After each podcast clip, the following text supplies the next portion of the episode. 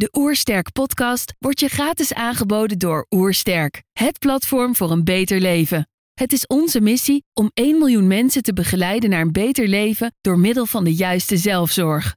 Wil je weten hoe jij kunt werken aan een beter leven? Ga dan naar www.oersterk.nu slash gezondheidscheck voor onze gratis gezondheidscheck en krijg direct jouw uitslag met persoonlijk advies. Uh, mijn naam is Leonard Hofstra en je luistert naar de Oersterk podcast. Je hebt een druk bestaan en je wordt vaak geleefd. Je lijf en geest zoeken rust omdat je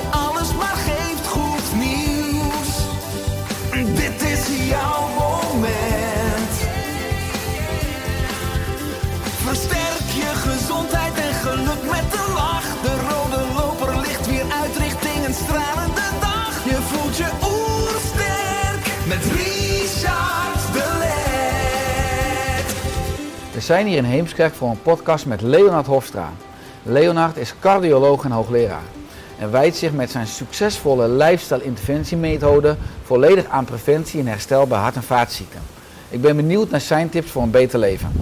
Trouwens, geniet je van onze podcast? Abonneer je dan en laat een reactie of een review achter. Zo help je ons om het gezondheidsvirus te verspreiden. Let's start! De Oersterk Podcast. Een ontdekkingstocht naar een beter leven. Leonard, welkom. Dank je. Ik lees op je website, sinds uit wetenschappelijk onderzoek is gebleken dat maar liefst 90% van de hart- en vaatziekten wordt veroorzaakt door lifestylefactoren, besloot Hofstra zich volledig te gaan wijden aan preventie en lifestyle-interventie. Waarom deze omslag en nu deze missie van jou?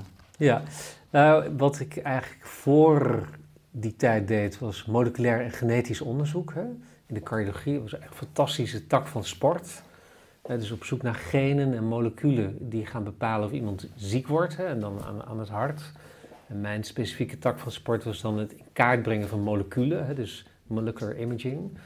Nou, daar hebben we ongelooflijk goed mee gescoord, eh, qua publicaties ook en qua onderzoek. Uh, dus de Lancet, Nature Medicine en, enzovoorts. Hè. En intellectueel gezien was het ook iets schitterends. Met als doel om daar medicijnen voor te ontwikkelen? Ja, dus als je denkt dat, dat heel veel uh, ziekte afhangt van een gen of een molecuul, heeft het natuurlijk ook zin om dat zichtbaar te maken en daar, dan iets, iets, iets op, te, op te bedenken. Hè? Een therapie of, of een, een diagnostiek. Uh, dus iedereen dacht eigenlijk in de jaren negentig van oké, ja, alles is, is genetica, hè? dus, dus daar, daar moeten we op focussen. Hè? Dus op moleculen en genen. Dus ja, daar was, was ik lekker mee bezig eigenlijk. Ik heb heel veel onderzoeksgeld opgehaald daarvoor, heel goed gepubliceerd. Maar toen kwam in 2004 de Interheart-studie uit van Salim Youssouf. Fantastische studie. En die liet zien dat, dat hè, de hypothese was dat men dacht, oké, het zal wel 50-50 zijn, genetisch en leefstijl, hè, ongezonde lifestyle. Maar uiteindelijk bleek dus dat 90% van alle hartinfarcten zijn te verklaren door modificeerbare leefstijlfactoren. Dus stress, slechte voeding, te weinig bewegen, roken, alcohol en daarmee samenhangende ja, hoge bloeddruk en diabetes bepalen 90% van de kans op het krijgen van een hartinfarct. Dus ik, ja, opeens dacht ik, oké, mijn speelveld is niet 90%, hè, maar is nog maar 10%. Hè. Dus, dus waar ben ik eigenlijk mee bezig? Kijk, en wat je net zei, van, ik besloot me helemaal te, te wijden dat is niet een, een, een switch die plotseling omgaat, hè, maar dat is een besef van misschien maanden hè, of misschien wel één of twee jaar dat je denkt van oké, als dat dan zo is, ja, wat ga ik dan de rest van mijn carrière doen? Dus toen heb ik de knop uiteindelijk toch stap voor stap omgezet. Ja, want het is interessant dat uh, moleculen en genen die 10% meer samenhangen met genetica. Mm -hmm. En je hebt de stappen eigenlijk gemaakt naar de epigenetica, de invloed mm -hmm. van leefstijl, uiteindelijk ook op je genetisch materiaal, wat weer uitwerking heeft op je vitaliteit en allerlei processen in ons lichaam. Maar toch, uh, omdat je al succesvol was in, zeg maar, uh, op je vakgebied, is daar moed voor nodig om in die maanden, jaren, werd het verlangen dan toch groter om meer te willen weten van die 90%? Ja, dus wat je dan hebt is dat je zit nog in dat oude veld hè, met één been. Dus ja, je wordt nog uitgenodigd voor lectures enzovoort enzovoort. Dus best wel moeilijk om dat los te laten, omdat dat succes gaf. Hè. En je merkte ook dat het, het genereren van iets nieuws in een heel ander veld kost echt jaren tijd. Hè. Dus, daar, dus daar heb ik ja, enorm in moeten vastbijten. En uiteindelijk komt daar toch ook wel weer succes uit. Hè. Misschien Maar wel. voelde dat alsof je je oude schepen in brand moest steken? Mm, wel een beetje, ja. ja, ja en, en mensen zeiden dat ook. Hè. Waarom, waarom, waarom doe je dat? En uiteindelijk ben ik dan ook gegaan van een academisch centrum naar Cardiologiecentrum Nederland. Hè, om ook dichter op dat veld te zitten, dichter bij patiënten, dichter bij huisartsen. En ook ja, meer ja, bewegingsvrijheid te hebben om in dat veld echt iets te gaan betekenen. Ja. ja, want je bent je eigen systeem gaan samenstellen, wat ook in Mhm. je boek terugkomt. Hè? Slim, de succesvolle lifestyle interventiemethode. En daarin maak je gebruik eigenlijk van een combinatie van beter slapen, effectief bewegen en verantwoorde voeding. Mhm. Waarom deze combinatie, deze driepoot? Nou, kijk, mensen zijn het vaak geneigd om te denken: oké, als je wilt afvallen, hè, daar, daar, daar, daar ging het dan eigenlijk om, hè, dat je dat dan ziet als, als een voedingsprobleem, voedingsinterventie eigenlijk, hè, wat een dieet zou kunnen zijn. Maar uit ervaring ook met patiënten wist ik, hè, en, weet ik nog steeds, dat als iemand heel gestrest is, hè, en misschien wel boven een bepaald breekpunt is, hè, de breakpoint, als je daar boven zit, of, of, of, beyond, hoe, noem je dat? als je daar buiten verkeert, dan zit je in een zone waarbij je eigenlijk niet meer zo heel makkelijk zelf kunt beslissen. En dan zijn de problemen groter dan, dan, dan jezelf geworden. Ja, zie dan nog maar eens gezond te eten, voldoende te bewegen, of te stoppen met roken, enzovoort, enzovoort. Dat is dan allemaal bijzaak. En dat, ja, dat is, dat is op dat moment bijzaken. Dus in die context gaan afvallen, dat, dat, dat gaat niet veel helpen. Hetzelfde geldt voor slecht slapen. Na een slechte nacht gaat je brein op zoek naar energie. Ehm, ja, dan wordt het ook moeilijker hè, om je aan discipline te houden qua voeding en sport enzovoort. Dus als je die stress- en slaapfactor niet goed fixt, hè, om het maar heel plat te zeggen, ja, dan, dan is een dieet eigenlijk op voorhand al zo goed als kansloos. Dus dat, dat heb ik in één concept geprobeerd te gieten, eigenlijk in slim. Hè? En dan nog bewegen toegevoegd. Ja, dat, dat is eigenlijk wat, wat het boek is. Ja, en als je het hebt over die doelgroep waarvan je zegt die soms andere problemen in het leven hebben en Mhm. problemen waardoor ze helemaal niet bezig zijn met een gezonde leefstijl. Die hebben Mhm. niks aan intellectuele, wetenschappelijke publicaties, maar je moet Mhm. vooral voor die mensen dingen heel praktisch maken. Eh, hoe maak jij eh, in de spreekkamer dus beter slapen praktisch? Wat zijn adviezen die je aan mensen geeft? Ja, wat je daar dan eigenlijk doet, is proberen te zoeken waar je een, een patiënt kunt, kunt vinden. Hè? Dus, dus waar, waar, waar tikt hij, waar slaat hij op aan, hè? Zodat, zodanig dat hij, dat hij gaat doen wat, jij graag zou willen. Hè? Maar dat, dat, dat is eigenlijk niet belangrijk dat ik dat zo zeg, maar wat goed is voor die persoon, om ervoor te zorgen dat hij minder kans krijgt op een hartinfarct, of misschien minder medicatie nodig heeft. Dat, dat, dat is ook wat mensen heel vaak zeggen. Dus je probeert dat, dat te vinden. En dat, dat is niet per se slaap hoor, maar ehm, ja, slaap is wel vaak een, een, een, een klacht die ik hoor, hè, waardoor mensen ja, hun, hun systeem niet, niet goed in stand houden. Nou, ja, voor slaap is heel belangrijk om echt een goede aanloop te nemen naar de nacht. Hè, dus dat je tot rust komt in de avond, zodanig dat je, dat je zonder al te veel prikkels ja, tot rust komt en veel dieper en beter slaapt. Maar minder schermpjes, minder, scherm. koffie. Ja, ja. Dus heel mooi boek daarover is ook van Matthew Walker, hè? Why We Sleep. Dat ken je waarschijnlijk ook wel. Maar ja, dus dat is een fantastisch boek. En daar heb ik ook uit geleerd dat hè, cafeïne heeft een enorm lange halfwaardetijd. Dus, dus eigenlijk moet je geen koffie meer drinken na 12 uur 's middags misschien, als je slechte slaper bent. Hè. Op sommige mensen heeft het ook geen enkel effect. Mhm. hè, dus die, die kunnen dat gewoon blijven doen. Eh, dus maar er zijn heel veel slaaphygiënische maatregelen, noem ik het maar eventjes. Ja, die ervoor zorgen dat je, dat je uiteindelijk een veel betere nacht hebt. En dan ook weer sterker wordt. En dan veel makkelijker beslist wat, wat goed voor je is. Maar is slaap het eerste gebied waarmee je, zeg maar, waar je op inzoomt of ga je eerder in op voeding en beweging? Nou, het is niet per se één, één zaak. Eh, dus je probeert eigenlijk uit te zoeken waar, waar het hem aan schort hè, bij, die, bij die patiënt. Moet ik wel zeggen, ik heb niet heel veel tijd in een consult. Ik zie 3000 plus patiënten per jaar. Hè. Dus dat is, dat is een enorm volume. Hoeveel Ja. tijd heb je? Mm, ja, een minuut of 10, 15 max. hè. Maar ik bedoel in die, in die 10, 15 minuten ben je blijkbaar wel heel goed in staat om impact te maken. Maar je bent in 2015 uitgeroepen tot de meest patiëntvriendelijke zorgverlener van Nederland. Ja. Dus je hebt wel succes met je contact, met je aanpak. Ja, dus, dus wat daar heel belangrijk is, is dat je, dat je hè, dus dat, ik denk dat dat, dat dat misschien in de zorg te weinig aandacht krijgt, is dat je een goede connectie maakt hè, met die persoon die, die, die, die bij jou zit. Ik wilde zeggen tegenover, hè, maar die, die, die, die zit niet tegenover je, hè, want dat, dat, dat, dat klinkt ook als opposites. Hè. Maar je hebt uiteindelijk hetzelfde doel, hè, dokter en patiënt. Hè. Dat is een, een, een ja, zo, zo, veilig mogelijk. Hè. Dus dat die patiënt veilig is. Dat, dat, dat, is, dat is doel nummer één. Zeker als je het hebt over het hart.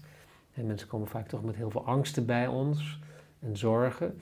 Dus dat, dat, dat is een eerste factor. En de tweede factor, ja, de best mogelijke behandeling als mocht er iets zijn. Hè. Dus dat, dat is in feite waar, waar je helemaal voor gaat. Dus, maar dan is het heel belangrijk om een heel goed contact te hebben met die patiënt, zodanig dat, dat die patiënt makkelijk de dingen vertelt hè, aan de dokter waar die, wat de dokter op kan beslissen. Hè. Dus dat is een belangrijke factor.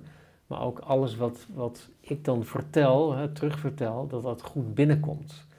dus daarvoor heb je eigenlijk een, een soort, dat is een term uit golf. Ik ben helemaal geen golfer, maar dus een term uit golf is de sweet spot. Dus als je in de sweet spot zit met die, met die patiënt, ja, dan is het eigenlijk makkelijker om, ja, om een consult te doen. Dan kost het weinig energie en dan heb je toch een, een heel goed consult. Dus ja, in die tijd dat ik de, die prijs kreeg, hè, dat voelde toch een beetje als een ja, ja, fantastische, een beetje als The Voice misschien, dat je dat uiteindelijk dan wint. Hè? Dus, of, of, een, of een medaille, Olympische medaille. Maar krijg je ook een bokaal of een medaille? Ja, ja, ja, dus alles erop en eraan. Okay. Hè? En ook, ook in, in, een volle zaal, dus super leuk om dat te krijgen. Uh, had ik ook echt niet verwacht, eerlijk gezegd. Maar in die tijd zag ik ook nog 5000 patiënten per jaar. Dus dan betekent dat dat de, de de kwaliteit van een consult is niet recht evenredig met tijd. En dus dat, dus iedere, iedereen vraagt maar om meer tijd, tijd, tijd, tijd, tijd. Maar dat, dat tijd is toch een relatief begrip, ook, ook in een consult. Ik denk dat die veiligheid die je schetst het belangrijkste is. Ja, dus de, dus de, de, de, de emotie, dus het gevoel van vertrouwen, dat, dat, dat, dat, is, dat is heel veel waard in zo'n consult. En dat, dat is niet per se gebonden aan tijd. Want ik heb je in het verleden in interviews of ook in foto's in media ook zien staan tijdens mm consulten met patiënten. Is dat nog steeds zo? Dat doe ik nu niet meer omdat ik zelf geblesseerd raakte, hè, dus dat, dat, dat kon niet meer. Maar hij heeft me wel geleerd hè, over dat concept hè, van, want als je staat, dan zit je niet tegenover elkaar. Hè, maar dan, je stond ook naast elkaar? Ja, dan sta je naast elkaar, kijk je samen naar het scherm. Hè, dus de, de, laten we zeggen, het gezamenlijk, gezamenlijk oplossen, samen met die patiënt van het probleem wat, wat, wat er is, hè, waarvan een groot deel toch ook lifestyle is, gaat het uiteindelijk toch makkelijker als je samen naar dat scherm kijkt en, en gezamenlijk tot, tot een conclusie komt. Natuurlijk, hè, anders, je, ja. moet wel houden aan guidelines, richtlijnen en zorgen dat die patiënt de best mogelijke behandeling krijgt. Maar het voelt beter hè, als die patiënt meegaat, als je die patiënt kunt meenemen in die, in die besluitvorming. Ja. Merk je ook dat ze zelf om ook een stuk leefstijl vragen naast, misschien is het nog wel een beetje een aanname, dat je, er is ook een groep die gewoon een pilletje wil en die een quick fix wil. Uh, ja, dat, dat laatste steeds minder eigenlijk. Dus dat wat vroeger hadden mensen hoge bloeddruk en die vroegen gewoon om een tablet om dat, om dat te fixen. Of hadden hoog cholesterol en, en zeiden van oké, okay, maar, maar statine. En dan, en dan ja, gebruik het ook misschien een beetje als paraplu om de ongezonde leefstijl ja, te compenseren misschien. Hè. Nu zitten veel mensen, steeds meer mensen, toch anders in de wedstrijd. Mhm. die, die ervaren het krijgen van medicatie als, een beetje als een nederlaag. Die, die willen dat eigenlijk niet, hebben enorm veel weerstand daartegen. En die willen eigenlijk geen medicijnen. Maar dat geeft ons als dokters natuurlijk de kans hè, om te zeggen oké, als je dat dan niet wilt, die medicatie, dan zul je wel moeten werken aan je leefstijl. Dan is er maar één andere keus. En dat is zorg dat je fitter wordt. Dat je afvalt, veel meer beweegt, goed slaapt enzovoorts. Dus dat gebruik ik ook als, als hefboom, hè, als, of als energie, hoe je het ook maar zou willen zeggen. Om die mensen ook de, ja, de goede kant op te krijgen qua lifestyle. Intrinsiek te motiveren. Want die staan eigenlijk ook met hun rug tegen de, de muur. Het is of medicatie of dus je Ja. leefpatroon bij gaan sturen. Ja, dus als je per se geen medicatie wilt, ja, dan, dan, dan is er nog maar één keuze over. Ja, Dus die geef ik dan de kans, maar dat is misschien wat, wat zwaar aan, aan, aangezet, maar ze gaan het eerst proberen zelf op te lossen. Ja, als het dan niet lukt, dan zul je wel moeten, hè? want een bloeddruk van 180 over 100, ja, dat is natuurlijk voor je hele systeem niet goed. Hè? Of een cholesterol van 8. Ja, dus dan, als het dan de 8 blijft of, of die hoge bloeddruk blijft, dan zul je wel moeten. Hè? Dus dan, dan, dan, dan moet je wel medicatie nemen. Maar ja, als ze het zelf kunnen oplossen, ja, dat, dat vind ik fantastisch. Hè? Want dan, dan heeft iemand eigenlijk zichzelf beter gemaakt. Hè? En, ehm, ik gebruik dan ook met opzet niet het woord patiënt, want dan, heet, dan is hij ook patiënt af eigenlijk. Hè? Dus dan heeft hij zichzelf ja, verlost van, van, van risicofactoren. En zichzelf genezen, ja, dat, dat is eigenlijk de mooiste patiënt, vind ik dan. ja absoluut. Daar ben ik het mee. Dat is ook eigenlijk de oude geneeskunde. Dat je het zelfherstellend vermogen van het lichaam stimuleert. Want Genereert, ja. ja. Wat ik eh, interessant vind is om te bedenken, zijn hart- en vaatziekte of iemand die een hart- en vaatziekte heeft, is dat nou een probleem van het individu Mhm. of is dat nou een probleem van de soort, hè, zou je kunnen zeggen. Want je, op je website lees ik ook over dat het gaat om gedragsbeïnvloeding en dat je Mhm. zelf ook heel erg bezig bent met de wetenschappelijke onderbouwing hiervoor. Mhm. Heel veel mensen weten de juiste informatie. Weten, ik moet wat gezonder eten, wat meer groenten, ik moet wat meer slapen, ik moet wat meer bewegen, wat minder zitten. Eh, ik moet wat meer sociaal verbinden. Mhm. Uh, maar de moderne leefomgeving, die eh, rolt natuurlijk een rode loop uit voor de verkeerde leefstijlkeuzes. Mhm. Laat ik het zo dan misschien samenvatten. Mhm. Dus is het bovenal niet ook bijna een ethisch vraagstuk? Dus als je het hebt over hart- en vaatziekten. Eh, in zekere zin wel. Hè. Dus wat, wat je nu in feite hebt, is dat er, dat er een ecosysteem ontworpen is voor ons. Hè, waardoor het eigenlijk eh, gemakkelijk is om foute keuzes te maken. hè. Dus eh, deuren die, die gaan gewoon voor je open. Er zijn roltrappen. Ja, je, hoeft, je hoeft in feite niet meer te bewegen als je niet zou willen. Ehm, Het comfort haalt alle noodzaken weg. Hè? Want Ja. We zien dat de laatste cijfers van 1 januari 2018, 9,9 miljoen mensen hebben een chronische ziekte. Dat is nu mogelijk al over de 10 miljoen. Ja, eh, dus mensen bewegen veel te weinig. Dus dat, dat, dat, is, dat is het nieuwe kwaad ook eigenlijk. Eh, slechte voeding hè, kun je overal makkelijk krijgen. Eh, dus, dus we hebben straten vol met, met, met wafelkramen en ijskoos en, frituur. Ja, dus als je daar dan doorheen loopt en je krijgt die, die, die geur binnen, hè, dan, dan is het heel lastig om daar weerstand tegen te bieden. Dus het systeem is eigenlijk, het ecosysteem is zo ontworpen dat fout kiezen heel makkelijk is. Hè?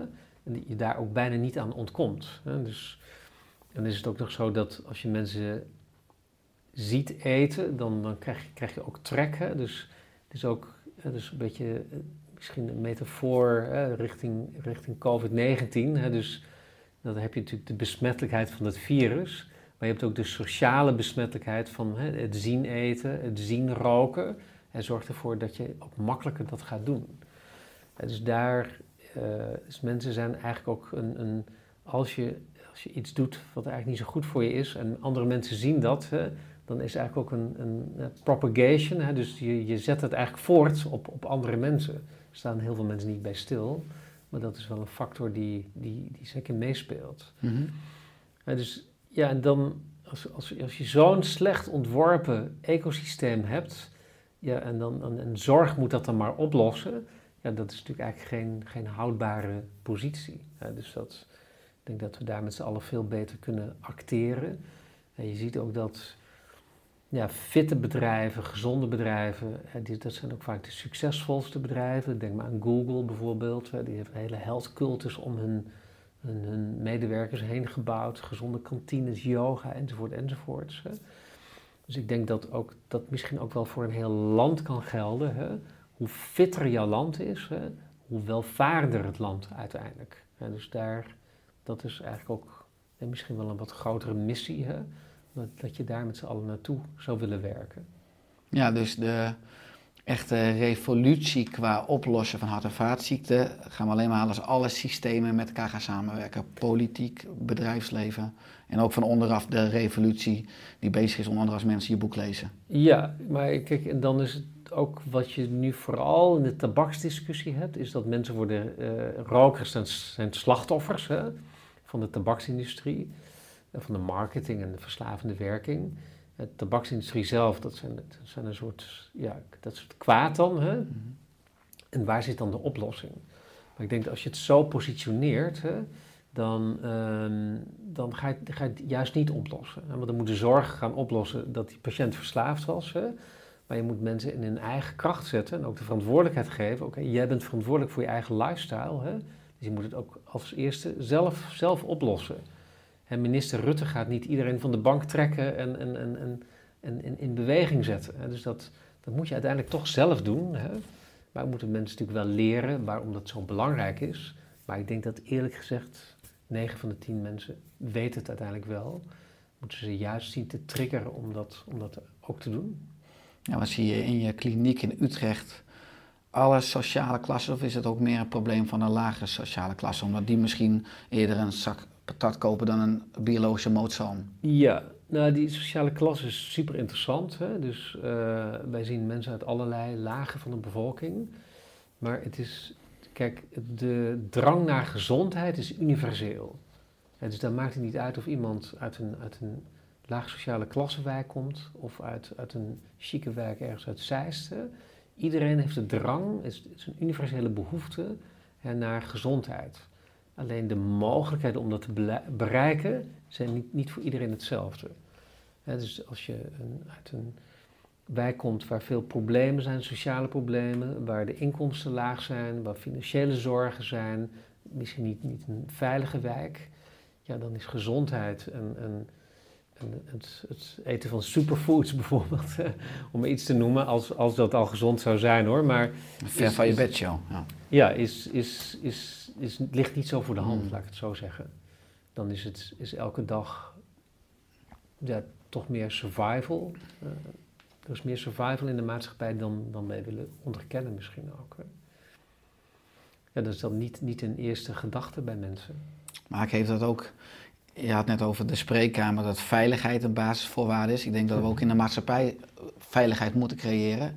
Want dat is ook een basisvoorwaarde waardoor mensen uh, ook gaan denken of met een gezonde levensstijl aan de gang willen gaan. Als je natuurlijk onveilig bent, mm door financieel of sociaal of fysiek of emotioneel, dan, dan blijf je overleven. En dan denk je, gezond leven, dat komt wel een keer als ik veilig ben. Ja. ja. Dus je hebt eigenlijk een systeeminterventie nodig, maar een heel andere manier. Eigenlijk heb je een heel ander businessmodel nodig. Hè. Dus je je zou niet willen, hè, dus, de zorg, hè, dus healthcare, dus een ongelooflijk businessmodel. Heel veel banen hangen daarvan af. En dus als je het heel erg plat zou willen zeggen, is, is de voedingsindustrie uh, zorgt ervoor dat, dat, uh, dat we die ongezonde producten eten. er zijn oliemaatschappijen die, die zorgen dat we niet meer hoeven te bewegen, want je tankt. Dan zijn er diagnostische bedrijven in, in het land die zorgen voor de diagnose. Dan zijn er fabrikanten, farmaceuten die zorgen voor, voor tabletten. En, en, en, mensen die werken in gezondheidszorg winnen daaraan. Maar ook mensen die in de verzekering, zorgverzekering werken. Dus het is een spin die zichzelf in, in stand houdt. Een heel sterk businessmodel. Maar daar is, eigenlijk zou je incentives willen inbouwen zo dat gezondheid het dominante businessmodel wordt. En dat had je eigenlijk al heel lang geleden in China dus de oudste medische tekst, die gaat daar ook over. Die is van Wang Di, die is 4.500 jaar oud. En die zegt dat de superieure dokter de ziekte voorkomt. De middelmatige dokter gaat de ziekte behandelen voordat die evident is, hè, maar iemand is wel ziek. En de, uh, de inferieure dokter die behandelt de full-blown disease. En dus we zijn eigenlijk met de zorg veel te veel bezig met die laatste factor waarvan Wang Di zegt, ik, ik zeg het niet zelf. Zeg, Gelukkig maar, heel veilig. Ja. Worden mensen ongelooflijk kwaad, hè? Ja, heb ik al gemerkt. Maar eh, kijk, wij moeten eigenlijk zorgen dat we niet die, die inferieure dokter zijn. Hè, die, die wachten tot mensen ziek worden en dan pas in actie komen. Wij moeten eigenlijk zorgen dat, dat we die, dat veel, veel meer stappen voor zijn. Ja, want als je dan kijkt naar de fantastische artsen die in al die ziekenhuizen of centra werken, in Nederland en België, die mhm. enorm veel kennis hebben mhm. op hun vakgebied. Vaak na een studie van 6, 9, 12, 15, nou 20 jaar. Die alleen maar met een met, ja, met een zieke groep mensen werkt. En Mhm. alles weet, uiteindelijk ook over nazorg of over eh, een stukje preventie, lifestyle. Maar in mijn optiek veel te weinig de maatschappij ingaan, al is het één dag per week, om preventief ervoor te zorgen dat mensen niet op hun spreker Ja. komen in de toekomst. Ja. Eh, Maar de vraag is hè, of dat echt een zorgprobleem is. Hè? Dus kijk, als je alles naar de zorg gooit. het is hè, een maatschappelijk probleem inderdaad, maar wat Ja, is de rol maar- van de zorg daarin? Ja, dus, maar als, als je iets zorg maakt, eh, wordt het meteen ongelooflijk kostbaar. Mhm. Hè, dus, want dan, dan, dan hang- hangt er al, allerlei labels aan vast en, en, en, en certificering van, van allerlei dingen. Dus in, in feite denk ik dat het niet per se een, een, een probleem is van de zorg. Hè. Het is wel zo dat, kijk, je moet eigenlijk zou je gebruik willen maken van het feit dat mensen dokters vertrouwen. Hè. Dus die stem van de dokter heel erg gebruiken. Maar het is niet per se zo dat ik denk dat, dat dokters heel veel tijd moeten besteden eh, aan het massaal beter maken van leefstijl van mensen. Ja, ik doe het zelf wel, maar niet, niet per se als, als dokter in de spreekkamer. Hè. Nou, ik ben het helemaal met je eens, maar wat ik eigenlijk dan zie, mensen Mhm. worden geboren, mensen raken in de loop van hun leven ergens een vitaliteit kwijt, een gezondheid kwijt, worden ziek, komen dan in de geneeskunde. Ik denk dat de zorg ook niet verantwoordelijk is om de schade te herstellen van onnatuurlijk leven, om het zo te... Mhm. Alleen in, de, in dat hele spectrum ertussen is er geen leefstijlcentrum of een instituut wat mensen continu Ja. proactief Nee. informeert en inspireert en praktische handvatten geeft. Dat is ook een beetje mijn bescheiden missie met Oersterk. Mhm. En wat jij ook doet op je eigen vierkante meter. Om te voorkomen dat mensen ooit in een zorgbakje vallen. Ja, Dus, dus er- ja. het is nu eigenlijk een vacuüm waar Ja. allerlei partijen heen wijzen. Maar waar in mijn optiek geen, goeie, geen goed antwoord op is. Ja, het begint nu wel, hè, dus, dus, dus, eh, dus in, die, in, die, in die tussenruimte. Hè, dus voordat je eh, bijvoorbeeld je stent krijgt hè, of, of opleidingen, dus is de huisarts nu ook bezig met CVRM-spreekuur. Dat, dat begint denk ik wel vruchten af te werpen. Dus dat, dan is het nog steeds zorg, hè, maar dan zit het wel heel dicht, dicht bij de mensen. En ik denk dat we nu eigenlijk toe zouden willen naar systemen waardoor ja, mensen uiteindelijk ook niet bij die huisarts die zorg nodig hebben. Want als je eenmaal diabetes hebt, hè, we hebben nu 1 miljoen diabetes in het land, hè, met name type 2. Ja, dat gaat gepaard met zoveel leed eigenlijk. Hè. Er Zoveel komen iedere dag 150 diabetes bij. ja, ja dus, dus een gevoel in de voeten gaat weg, of je nieren vallen uit, of je ziet niet meer goed, of je hart gaat naar de haaien. Dus uiteindelijk, ja, als we die mensen diabetes laten blijven, hè, laten zijn, worden die mensen uiteindelijk toch ziek. En, en krijg je enorm veel ziekteleed voor de persoon in kwestie, maar ook enorm veel kosten voor, voor de zorg en, en de maatschappij. En dus dat, daar zou je eigenlijk liefst van af willen. Ja, ja want je, je stipt net eh, suiker aan, bijvoorbeeld in de Mhm. maatschappelijke omgeving. De publieke ruimte waar het overal verkrijgbaar Mhm. is. Hè. Je Mhm. ruikt het, je ziet het, het kost niets. Er is meer wetgeving al over alcohol en over roken. Voor, vooral het laatste. Ik las de afgelopen weekend een interview met jou hè, over een recent onderzoek van jou met betrekking tot second-hand smoking of meeroken. Hè, dus dat er iemand naast je zit of in, in je woonkamer of in je auto die rookt. Eh, en de titel was hè, 50 rokers doden één niet-roker. Mhm. Dus dat rokers, naast dat ze verslaafd zijn, ook ja, nou ja, een soort dader zijn. Mhm. Eh, nou, prikkelend. Het hele onderzoek is prikkelend. Wat wil je hiermee bereiken? Kijk, een roker is zeker ook een slachtoffer van de marketing tricks van de tabaksindustrie. En van de verslavende werking van sigaretten. Absoluut, da- da- daar kom, kom ik ook absoluut niet aan. Maar een roker, hè, als die rook produceert en laat mensen meeroken. En je hebt zelfs tegenwoordig een derdehands rook. hè, Dus mensen hebben gerookt ergens, komen in een ruimte binnen en nemen dan de schade toch nog mee, hè, die, die ze op andere mensen kunnen, kunnen hebben. Maar het passieve meeroken heeft zo'n enorm negatief effect op, op de omstanders. Hè. Dus mensen die aan, aan die rook blootstaan hebben 20 tot 30 procent meer kans op een hartinfarct. Hebben ook 20 tot 30 procent meer kans op longkanker, enzovoort, enzovoort. Het is een enorme schadelast eigenlijk. Hè. Dus wat wij hebben willen doen in dat onderzoek is kijken van... Oké, als een roker nu een leven lang rookt, hoeveel schade brengt hij toe, dan toe aan, aan, aan een ander? Gemiddeld gezien. En die vraag hebben we geherformuleerd. Door te zeggen van, oké, hoeveel rokers heb je dan nodig om één persoon te killen door second-hand smoke? Het gaat dan om lifetime smokers. Hè? Nou, een roker rookt gemiddeld 25 jaar. En als je dan ja, wiskunde zou doen op de achterkant van een bierviltje of envelop, is het zo dat er in de wereld 1 miljard rokers zijn. Die killen vooral zichzelf. Hè. Er zijn 7 miljoen doden per jaar die, uh, door uh, rokers zelf. Hè. Dus rokers die vroegtijdig sterven aan de gevolgen van het roken. Maar er zijn ook een kleine miljoen slachtoffers door tweedehands rook, door passief meeroken. Dus je hebt eigenlijk een miljard wat teruggaat naar een miljoen. Hè, dus 1 miljard rokers in een gegeven jaar killen 1 miljoen onschuldige niet-rokers. Maar goed, dus die factor is 1 op 1000. Maar een roker rookt niet één jaar, maar rookt 25 jaar. Dus dan doe je 1000 gedeeld door 25. Dan kom je rond de 40 uit. Uit ons onderzoek blijkt dat het in onze huidige tijd ongeveer 50 rokers nodig hebt om één niet-roker te killen door tweedehands rook. En dat geeft de roker ook het label van niet alleen maar slachtoffer van de tabaksindustrie, maar ook als een, een dader. En als iemand een dader is, wordt het ook makkelijk om regelgeving toe te passen op die persoon. Of die persoon te labelen als iemand die iets doet wat eigenlijk helemaal niet hoort en die ver weg moet gaan hè, van, van, van de potentiële slachtoffers. Dus dan kom je weer met, ook met die COVID-metafoor. Dus die physical distancing hè, van, van de roker moet misschien wel heel ver, heel ver weg zijn van, van de niet-roker. Dus dat uit elkaar halen van, hè, van oorzaak en gevolg. Dat doen we met COVID nu supergoed. Hè.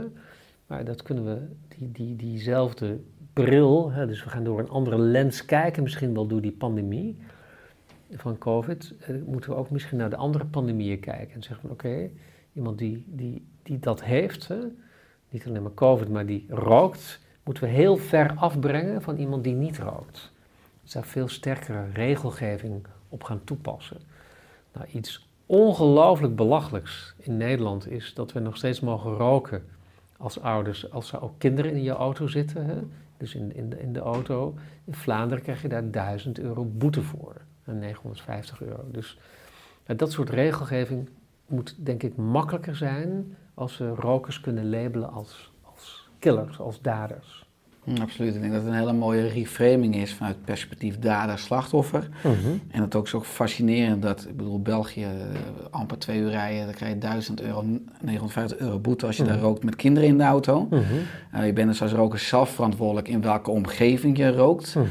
Uh, dan kan ik natuurlijk enerzijds vragen waarom is er geen straf in Nederland. Maar wat ik nog veel belangrijker vind, of prikkelender, is ook dat veel mensen continu het belangrijk vinden dat ze autonoom zijn. Hè? Ik, wil zelf, mijn keuzes maken. En je kan roken uiteindelijk ook doortrekken naar ongezond leven. Mhm. hè? Dat is denk ik in de toekomst gaan we misschien ook wel een koppeling krijgen tussen leefstijl en ziektekostenpremie. Daar hoor je mhm. natuurlijk al jaren af en toe weer een speldenprikje van. En dan... Mhm. Eh, zijn er veel mensen het ermee oneens en dan gaan we gewoon weer door met het leven. Maar ik bedoel, de, de ziektekosten die de 100 miljard euro uh, toch gaan aantikken. En de populatie die steeds zieker, dikker en, en ook een beetje dommer wordt. Ja, ja, uh, ja, ja, ja, Het is toch een maatschappelijke uitdaging die we hebben. En wat is prikkelend is wat je dan schreef ook in het interview. Dus wat je ook zegt, alleen adviezen zijn niet voldoende. Pas mhm. als je boetes oplegt en regelgeving maakt, zullen mensen zich gaan aanpassen. Mm -hmm. ja, dus, dus niet vriendelijk adviezen zou u willen.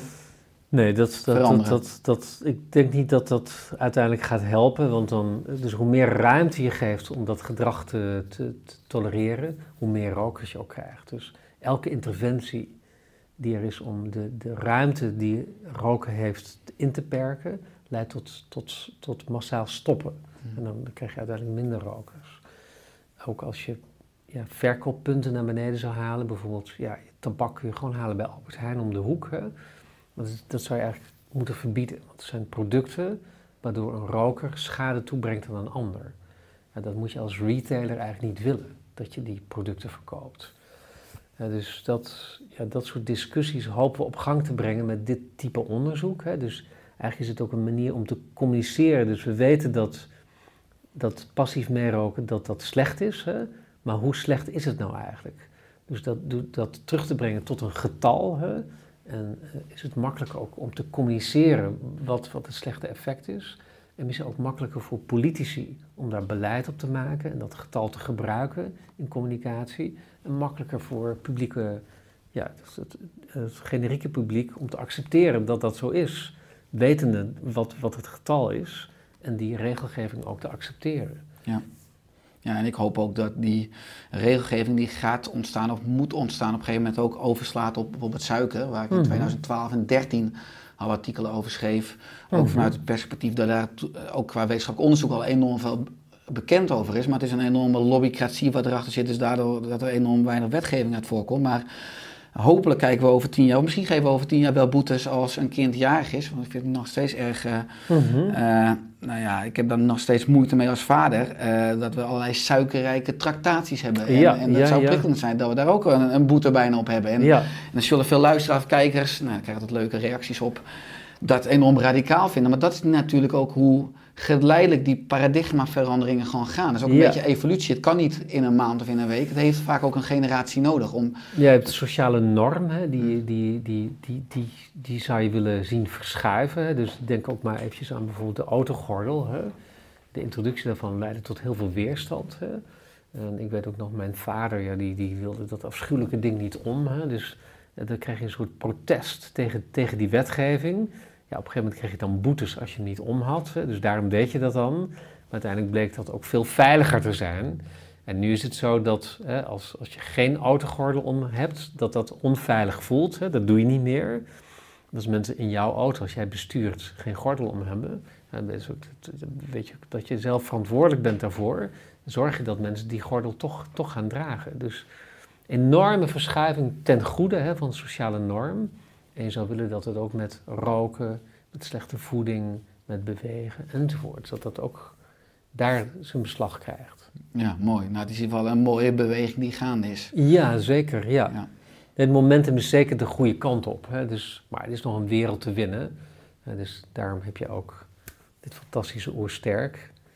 Dus ja, dus er is, is, is nog heel veel te winnen. Ja, absoluut. Ja, absoluut. We doen eh, allebei op onze vierkante meter heel mooi werk. En als je Mhm. het hebt over een wereld die te winnen valt, je hebt zelf enorm veel plekken op de wereld bezocht. Eh, je bent ook in India eh, enorm succesvol geweest met de Happy aanpak, Mhm. de Heart Attack Prevention Program for You. Mhm. En binnen drie dagen hebben jullie daar 10.000 mensen onderzocht. En hiermee Mhm. hebben jullie zelf een record in de Guinness Book of Records gevestigd. Eh, hoe was dat? Nou, wat, wat, wat natuurlijk zo is, is dat wij zijn geneigd om... eh, in de spreekkamer zie je één individu en die, eh, die geeft je advies. En dan hoop je dat, dat, dat het daardoor beter wordt. Hè? We, dus eigenlijk is het zo dat, dat happy is ontstaan doordat, door die, die, die ontsnapping eigenlijk uit het moleculaire en genetische veld. Dus ik dacht, oké, we moeten het eigenlijk anders doen. Dus samen met mijn mentor, hè, dus dokter Narula uit, de Verenigde Staten, zijn we gaan kijken, oké, we moeten eigenlijk zorgen dat we massa eh, eh, screening doen, hè, of massa, eh, laten we zeggen, profiling van mensen. Dus dat mensen weten wat hun risico is op het krijgen van een hartinfarct. Nou, met een aantal eenvoudige parameters kun je al best wel goed schatten wat de 10 jaar kans is van iemand op het krijgen van een hartinfarct. Want als je weet dat 90% van de kans op het krijgen van een hartinfarct door ongezonde leefstijl komt, en je brengt een aantal van die factoren in kaart, hoe zwaar is iemand, heeft iemand diabetes of niet, rookt hij of niet, komt het in de familie voor, kun je al best goed een inschatting maken over iemands 10 jaar kans. Dus dat kun je eenvoudig doen met een soort health carousel, een soort health camp. En Indiërs zijn supergoed in volumes, want er, wonen, er zijn natuurlijk ook heel veel Indiërs. Dus Schalen, ja. die, die kunnen heel goed schalen, veel beter dan wij. Dus zo kun je ook honderden mensen per uur door een, door een systeem halen, waardoor je ja, de, de, de 10 jaar risico van iemand kan bepalen. En daarna doe je massa-interventie eigenlijk via mobiele telefoon of via krant of via massa-bijeenkomsten. Dus in plaats van dat je dat één op één doet als dokter met één patiënt, schaal je dan enorm op.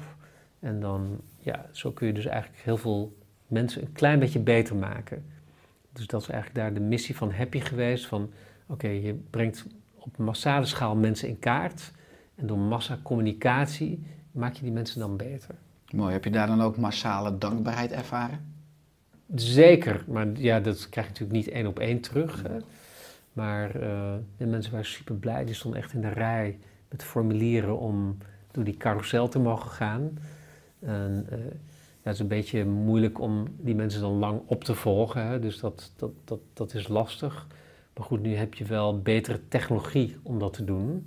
Uh, dus ik ben nu ook verbonden aan een platform. Wat medewerkers in bedrijven ja, beter maakt, betere, fittere werknemers.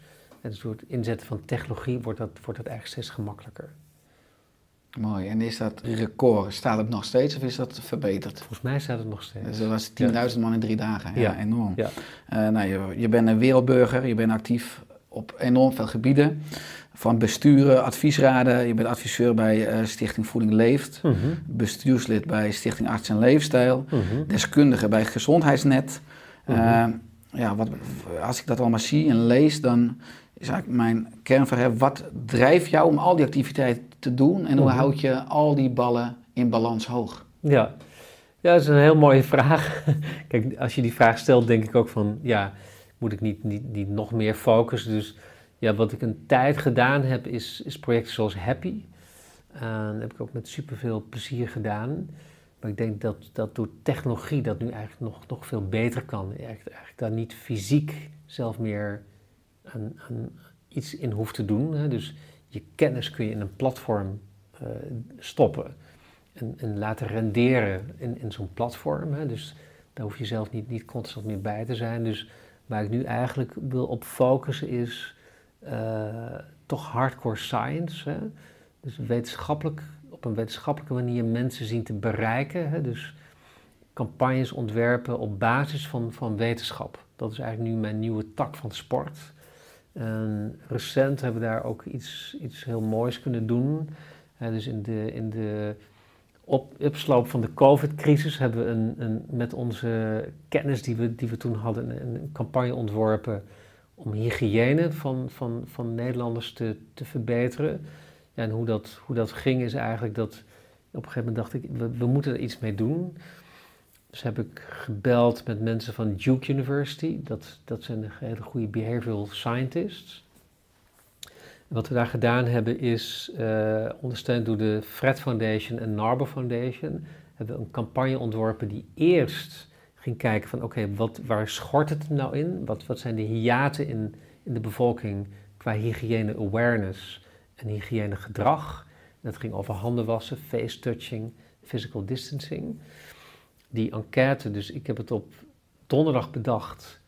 Vrijdag had ik de funding, dinsdag toestemming van de medische ethische commissie. En woensdag hadden we al 17.000 ingevulde vragenlijsten. Uh, waaruit bleek dat vooral handenwassen onvoldoende was. En een stukje face touching, maar bijvoorbeeld niezen uh, met hoesten, dat, dat ging eigenlijk al goed.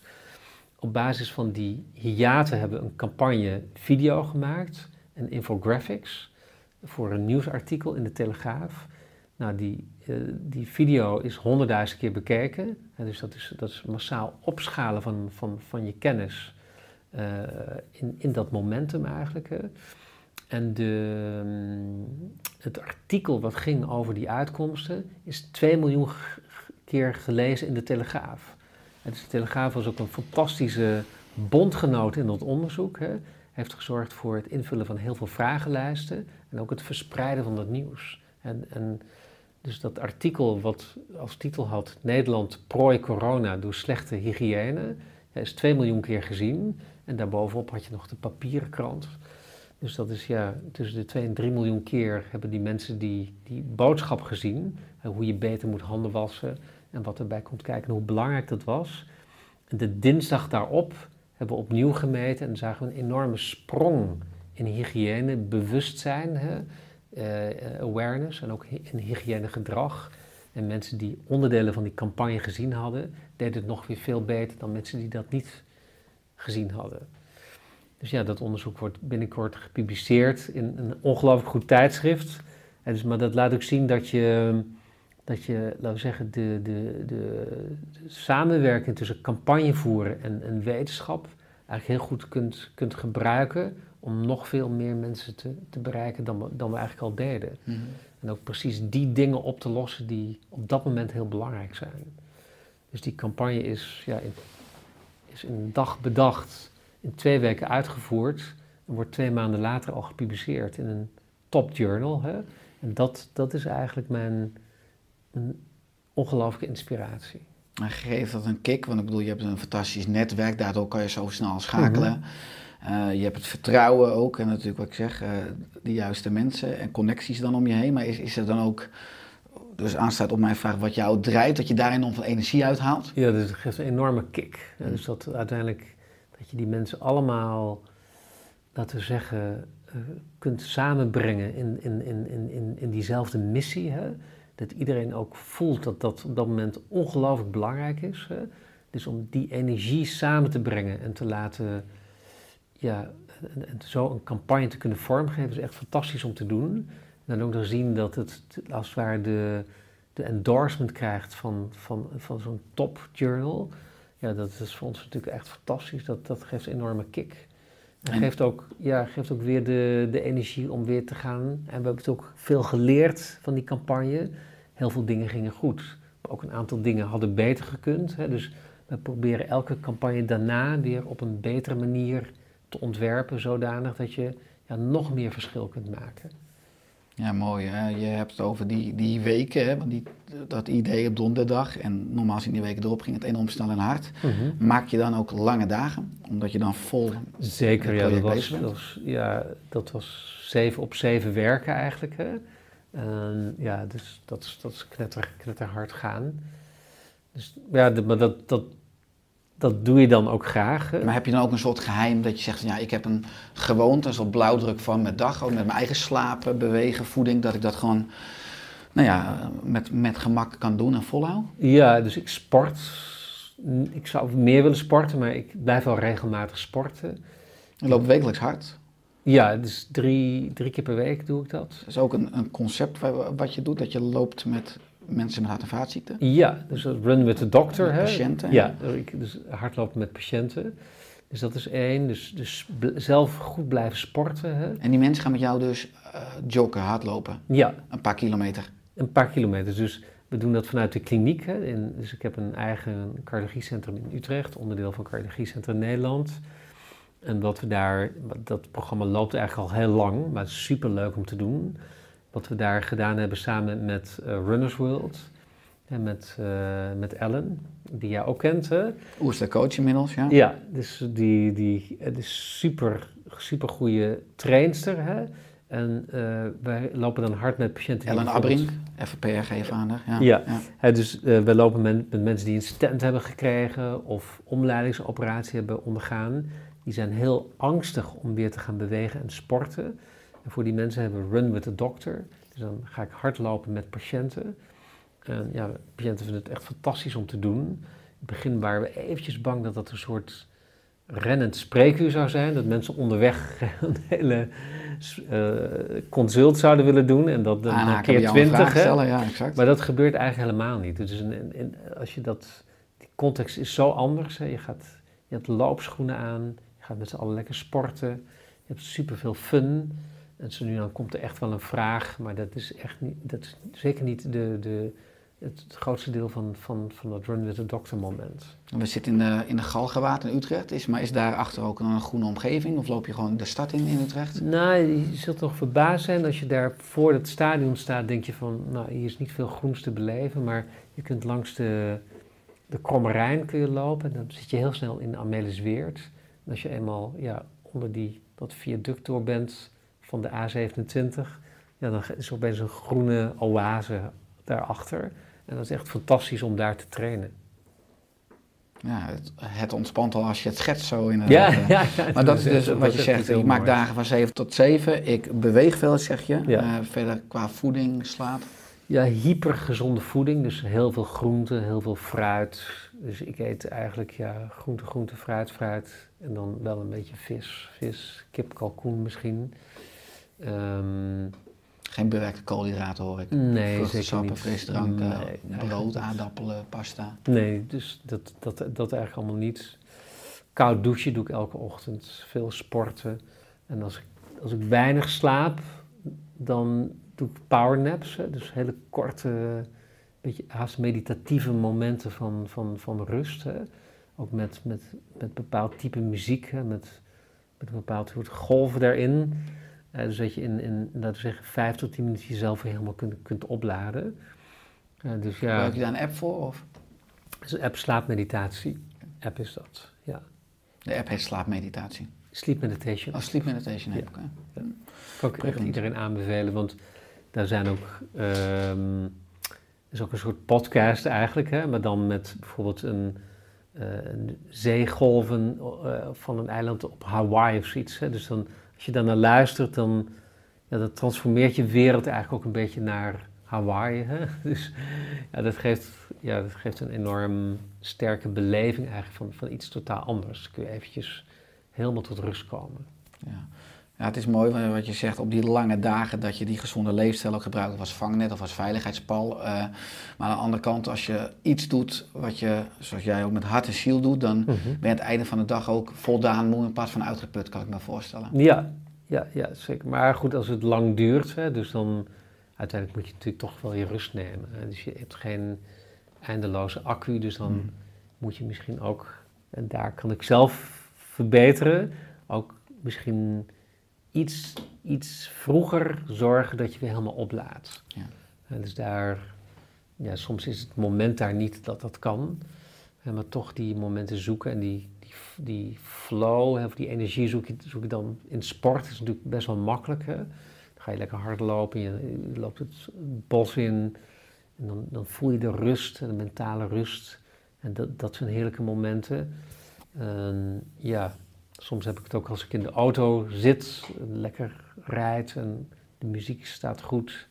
Dan kun je ook even dat moment hebben zo van, oké, nu ben ik helemaal ontspannen eigenlijk. En dus die, die momenten zoeken, dat, dat, dat geeft heel veel kracht en heel veel focus om daarna weer ja, die, die dingen te doen die, die je heel belangrijk vindt. Mm. Is er binnen jouw vakgebied ook een stroming die dus steeds meer met leefstijl en met voeding werkt of zijn? Het meer, zeg je ook, het is, je begon eh, de podcast met 90-10, 10% genetica en 90% epigenetica leefstijl. Zeg je Mhm. van eh, in, de, in, de, in, in, in de hartgeneeskunde zijn 10% al bezig met, dus met voeding en leefstijl en 90% merendeel nog maar, een beetje, maar met de oude geneeskunde, met pillen of met... Ja, nee, je ziet, ziet, ziet steeds meer hoor. Dus dat, dat, eh, we kunnen daar wat negatief over zijn misschien, maar dat, dat is echt, echt niet, niet nodig. Want Maar veel meer als feit zonder oordeel. Ik bedoel, Ja. het zijn dan gewoon. Het is Ja, ik denk niet dat jij negatief over was hoor, maar het is, het is, ehm, eh, er zit, zit heel veel, laten we zeggen, energie en, en interesse in, in cardiologen. Ook onze Nederlandse Vereniging voor Cardiologie heeft daar heel veel aandacht voor. En heeft er ook een speerpunt van gemaakt om dat, om dat te omarmen. En dat was tien jaar geleden was dat echt heel erg anders. Hè? En nu zie je ook, ja, omdat dat zo is, kijk, ik ben een jaar of tien geleden van Maastricht naar de cardiologiecentra eh, gegaan. Hè? Dus van een academisch centrum en naar een ZBC. Nou, mensen hebben me echt voor gek verklaard hè? Dat, dat, dat ik dat ging doen. Maar ik deed het echt met een onderliggende missie ook, hè? om meer ruimte te krijgen voor, voor preventie en, en gezonde lifestyle. Ja, en nu, nu wordt, dat, wordt dat massaal omarmd. Dus ik denk dat dat, ja, daar ben ik super blij mee dat, dat dat ook echt zo is. Natuurlijk, je hebt, ook, je hebt ook altijd de dokters nodig met die high-tech interventies. Hè? Kijk, als je zelf een lekke klep hebt en je komt niet meer goed vooruit, dan ben je ongelooflijk blij dat er interventiecardiologen zijn die die, die kleppen kunnen behandelen hè, van buiten nu tegenwoordig. Dus Via de lease in plaats van dat hele boskast over ja, dus Die, die technologie blijft natuurlijk ook eh, ongelooflijk intrigerend en heel belangrijk. Zeker ook voor oudere mensen. Hè. Dus daar waar we een tijd geleden mensen niet meer konden opereren met een sterk vernauwde aortaklep, omdat dat te riskant was, hè, kunnen we nu die klep inderdaad, zoals je dat ook aangaf, hè, via andere toegangswegen toch, toch plaatsen via een soort stent-technologie. Zodat die mensen weer een paar jaar ja, echt goed, goed vooruit kunnen. Ja, dat is eh, natuurlijk geweldige overwinningen ook in de geneeskunde. Maar dat, ik denk dat dat blijft ook wel gaan. Hè? Dus daar, daar, daar, daar zie ik ook geen stop. Maar we moeten veel eerder beginnen met, met mensen oppakken en zeggen: oké, de ongezonde lifestyle. oh, En om dat te transformeren, ja, kunnen we zoveel meer bereiken voor jou hè, op, op Mhm. lange termijn. En ja, zoveel later zorgen dat, dat, dat je ziek wordt. En dat, dat besef begint nu echt wel neer te dalen. Heb je één of twee, drie ik weet niet hoe gul je bent, praktische tips voor als mensen luisteren of kijken en enerzijds Mhm. zeggen van oké, ik wil heel erg preventief gezond blijven en vitaler worden, maar Mhm. er zullen ook heel veel mensen luisteren en kijken die cholesterol, slikken, statines, die Mhm. eh, medicijnen hebben voor hoge bloeddruk. Mhm. En die misschien nu voor het eerst ook een boodschap horen, een perspectief van hé verrek, ik heb er ook Mhm. invloed op met mijn leefstijl. Ja, Eh, wat zijn dan goede openingen om te starten qua leefstijl? nou kijk, kijk als, je, als je een goed gewicht hebt en veel traint en, en, en, en heel gezond eten, en mensen weten echt wel wat, wat, wat dat is, ja, dan, dan heb je gemiddeld gezien veel minder medicatie nodig. Dat lukt niet bij iedereen. Hè. Sommige mensen doen ongelooflijk hun best. Het cholesterol zakt niet, doen ongelooflijk hun best, bloeddruk zakt niet, ja, dan heb je wel pillen nodig. Dan kunnen pillen, als ze dat hadden, ook niet minder worden. Maar heel vaak lukt het toch, door de mensen dat, dat laten inzien. En dan gaan ze afvallen en gaan gezonder leven, gaan veel meer wandelen en buiten zijn. Ehm, ja, lukt het toch om of veel minder medicatie te geven, of, ja, of ook helemaal te kunnen stoppen met medicatie. Maar bij de laatste is het wel zo dat als je eenmaal ziekte hebt, als je een stent hebt of je hebt omleidingen, ja, dan, dan kun je niet zonder een minimaal pakket aan medicatie. Dat, dat gaat echt niet. En dus dan ben je te ver in, in, in, in behandeling of ziekte, maar dan krijg je dat niet meer helemaal naar nul. Die wens is er soms wel en dat is dan best wel frustrerend voor mensen, maar dan is de winst toch nog steeds dat je met veel minder medicatie toe kunt dan mensen die geen, geen gezonde leefstijl hebben, gemiddeld gezien. Heb je leuke of gekke voorbeelden ook in de kliniek in, in Utrecht van mensen die eventueel met obesitas, met overgewicht binnenkomen, met veel medicijnen en waar jullie radicale verbeteringen mee hebben, hebben bereikt? Ja, er zijn ongelooflijk veel van, van die eh, verhalen te vertellen. Want ja, als je dat dan gaat doen, hè, gezonde leefstijl geven, en, en mensen beginnen daarna te luisteren, en die komen dan terug na een maand of twee en zijn bijvoorbeeld 10 kilo afgevallen, hebben dan een goede bloeddruk en hebben dan een perfect cholesterolgetal. Ja, dat is zo'n overwinning hè, voor, voor de patiënt zelf vooral, hè, maar ook als dokter, dat dat dan gelukt is. En dan ga je, als je succesverhalen hebt, ga je dat natuurlijk meer doen en dan ja, genereer je natuurlijk meer successen.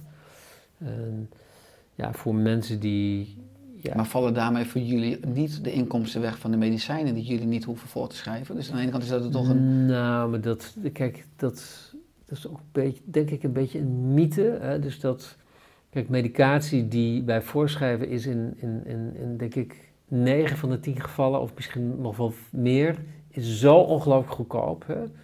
Hè? Dus, dus ik heb zelf een tijd statines gebruikt. Hè? En wat ik dan moest afrekenen bij de apotheker was 9 euro hè, voor een heel kwartaal. Een topmedicament. En dan is het ook nog zo dat een deel van die 9 euro gaat ook nog naar de apotheker Ja, voor de service die die 3 euro per. Dus- maand. Ja. Dus ja, voor, voor een kwartaal medicatie ben je voor, voor een paar euro ben je, ben je in feite klaar. Hè?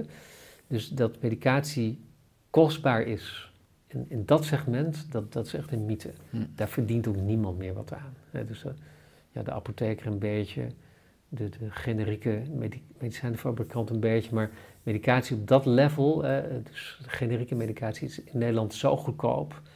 Ja, dus als je dat dan inzet voor preventie, dan heb je tegen heel lage kosten, kun je onge- ongelooflijk veel bereiken.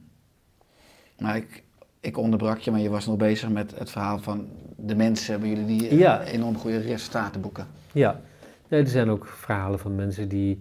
Kijk, wat, wat mensen vaak hebben, is dat ze, we zeggen, voor een heel groot gedeelte gezond leven, hè, maar misschien wel één of twee zondes hebben. Dus ja, ik, ik heb ook een keer iemand gehad die, ja, die had best wel hoog cholesterolgetal. En eh, toen hij dat bericht hoorde, was hij, werd hij super kwaad, want hij leefde ongelooflijk gezond. Hè, dus en dat, dat zien mensen dan als een nederlaag, dat er zo'n zo'n getal terugkomt. Dat, dat vinden ze niet, niet fijn om te horen. Dus die man was een beetje onthutst en kwaad. Hè. Maar zijn vrouw zat erbij en die zei, ja, je leeft super gezond, maar je eet wel heel veel ijs, hè, heel veel ijsjes per week. En ehm, daar maakte zij zich kennelijk zorgen om, want anders had ze dat niet gezegd. Hè.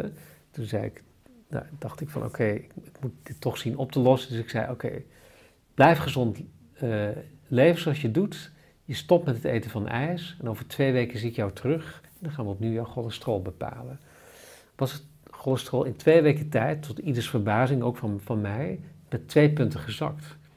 Door het wegnemen van één ongezond voedingselement uit, het patroon van, van deze persoon. Wat voor ijsjes waren het?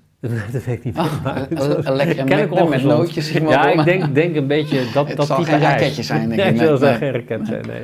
Beetje dat type ijs, denk ik. Maar, maar ik denk dat heel veel mensen wel het equivalent van, hè, van, van, van die ijsjes in hun systeem hebben. Of niet per se ijsjes te zijn, maar... Dus heel veel mensen hebben van zichzelf het idee, ik eet heel gezond. Hè, maar daardoorheen zit dan, zit dan één of twee zondes die eigenlijk dat hele, hele systeem toch, toch ongezond maken. Daar, dat, dat bewustzijn, ja, dan kunnen mensen ja, dus heel goed kijken van wat eet ik nou eigenlijk op een dag. En niet denken dat, dat een appel compenseert voor, voor een stuk taart of zoiets. Hè. Dat, dat, dat, dat is namelijk niet zo. Maar wat is je droom of je missie voor aankomende jaren? Droom en missie is eigenlijk zoveel mogelijk mensen op het gezonde pad krijgen. En, en er zijn veel wegen naar Rome, dus ik heb niet een dogma of een, of, een, of een wet dat het per se zo moet. Maar veel meer mensen dat bewustzijn geven en vooral ook ja, mensen die eh, ja, een wat, wat minder eh, ja, gunstig sociaal profiel hebben. eh, die mensen vooral, hè, dus een sociale missie zit, zit er ook in. Ehm, dus dat, dat, dat, dat is eigenlijk mijn missie.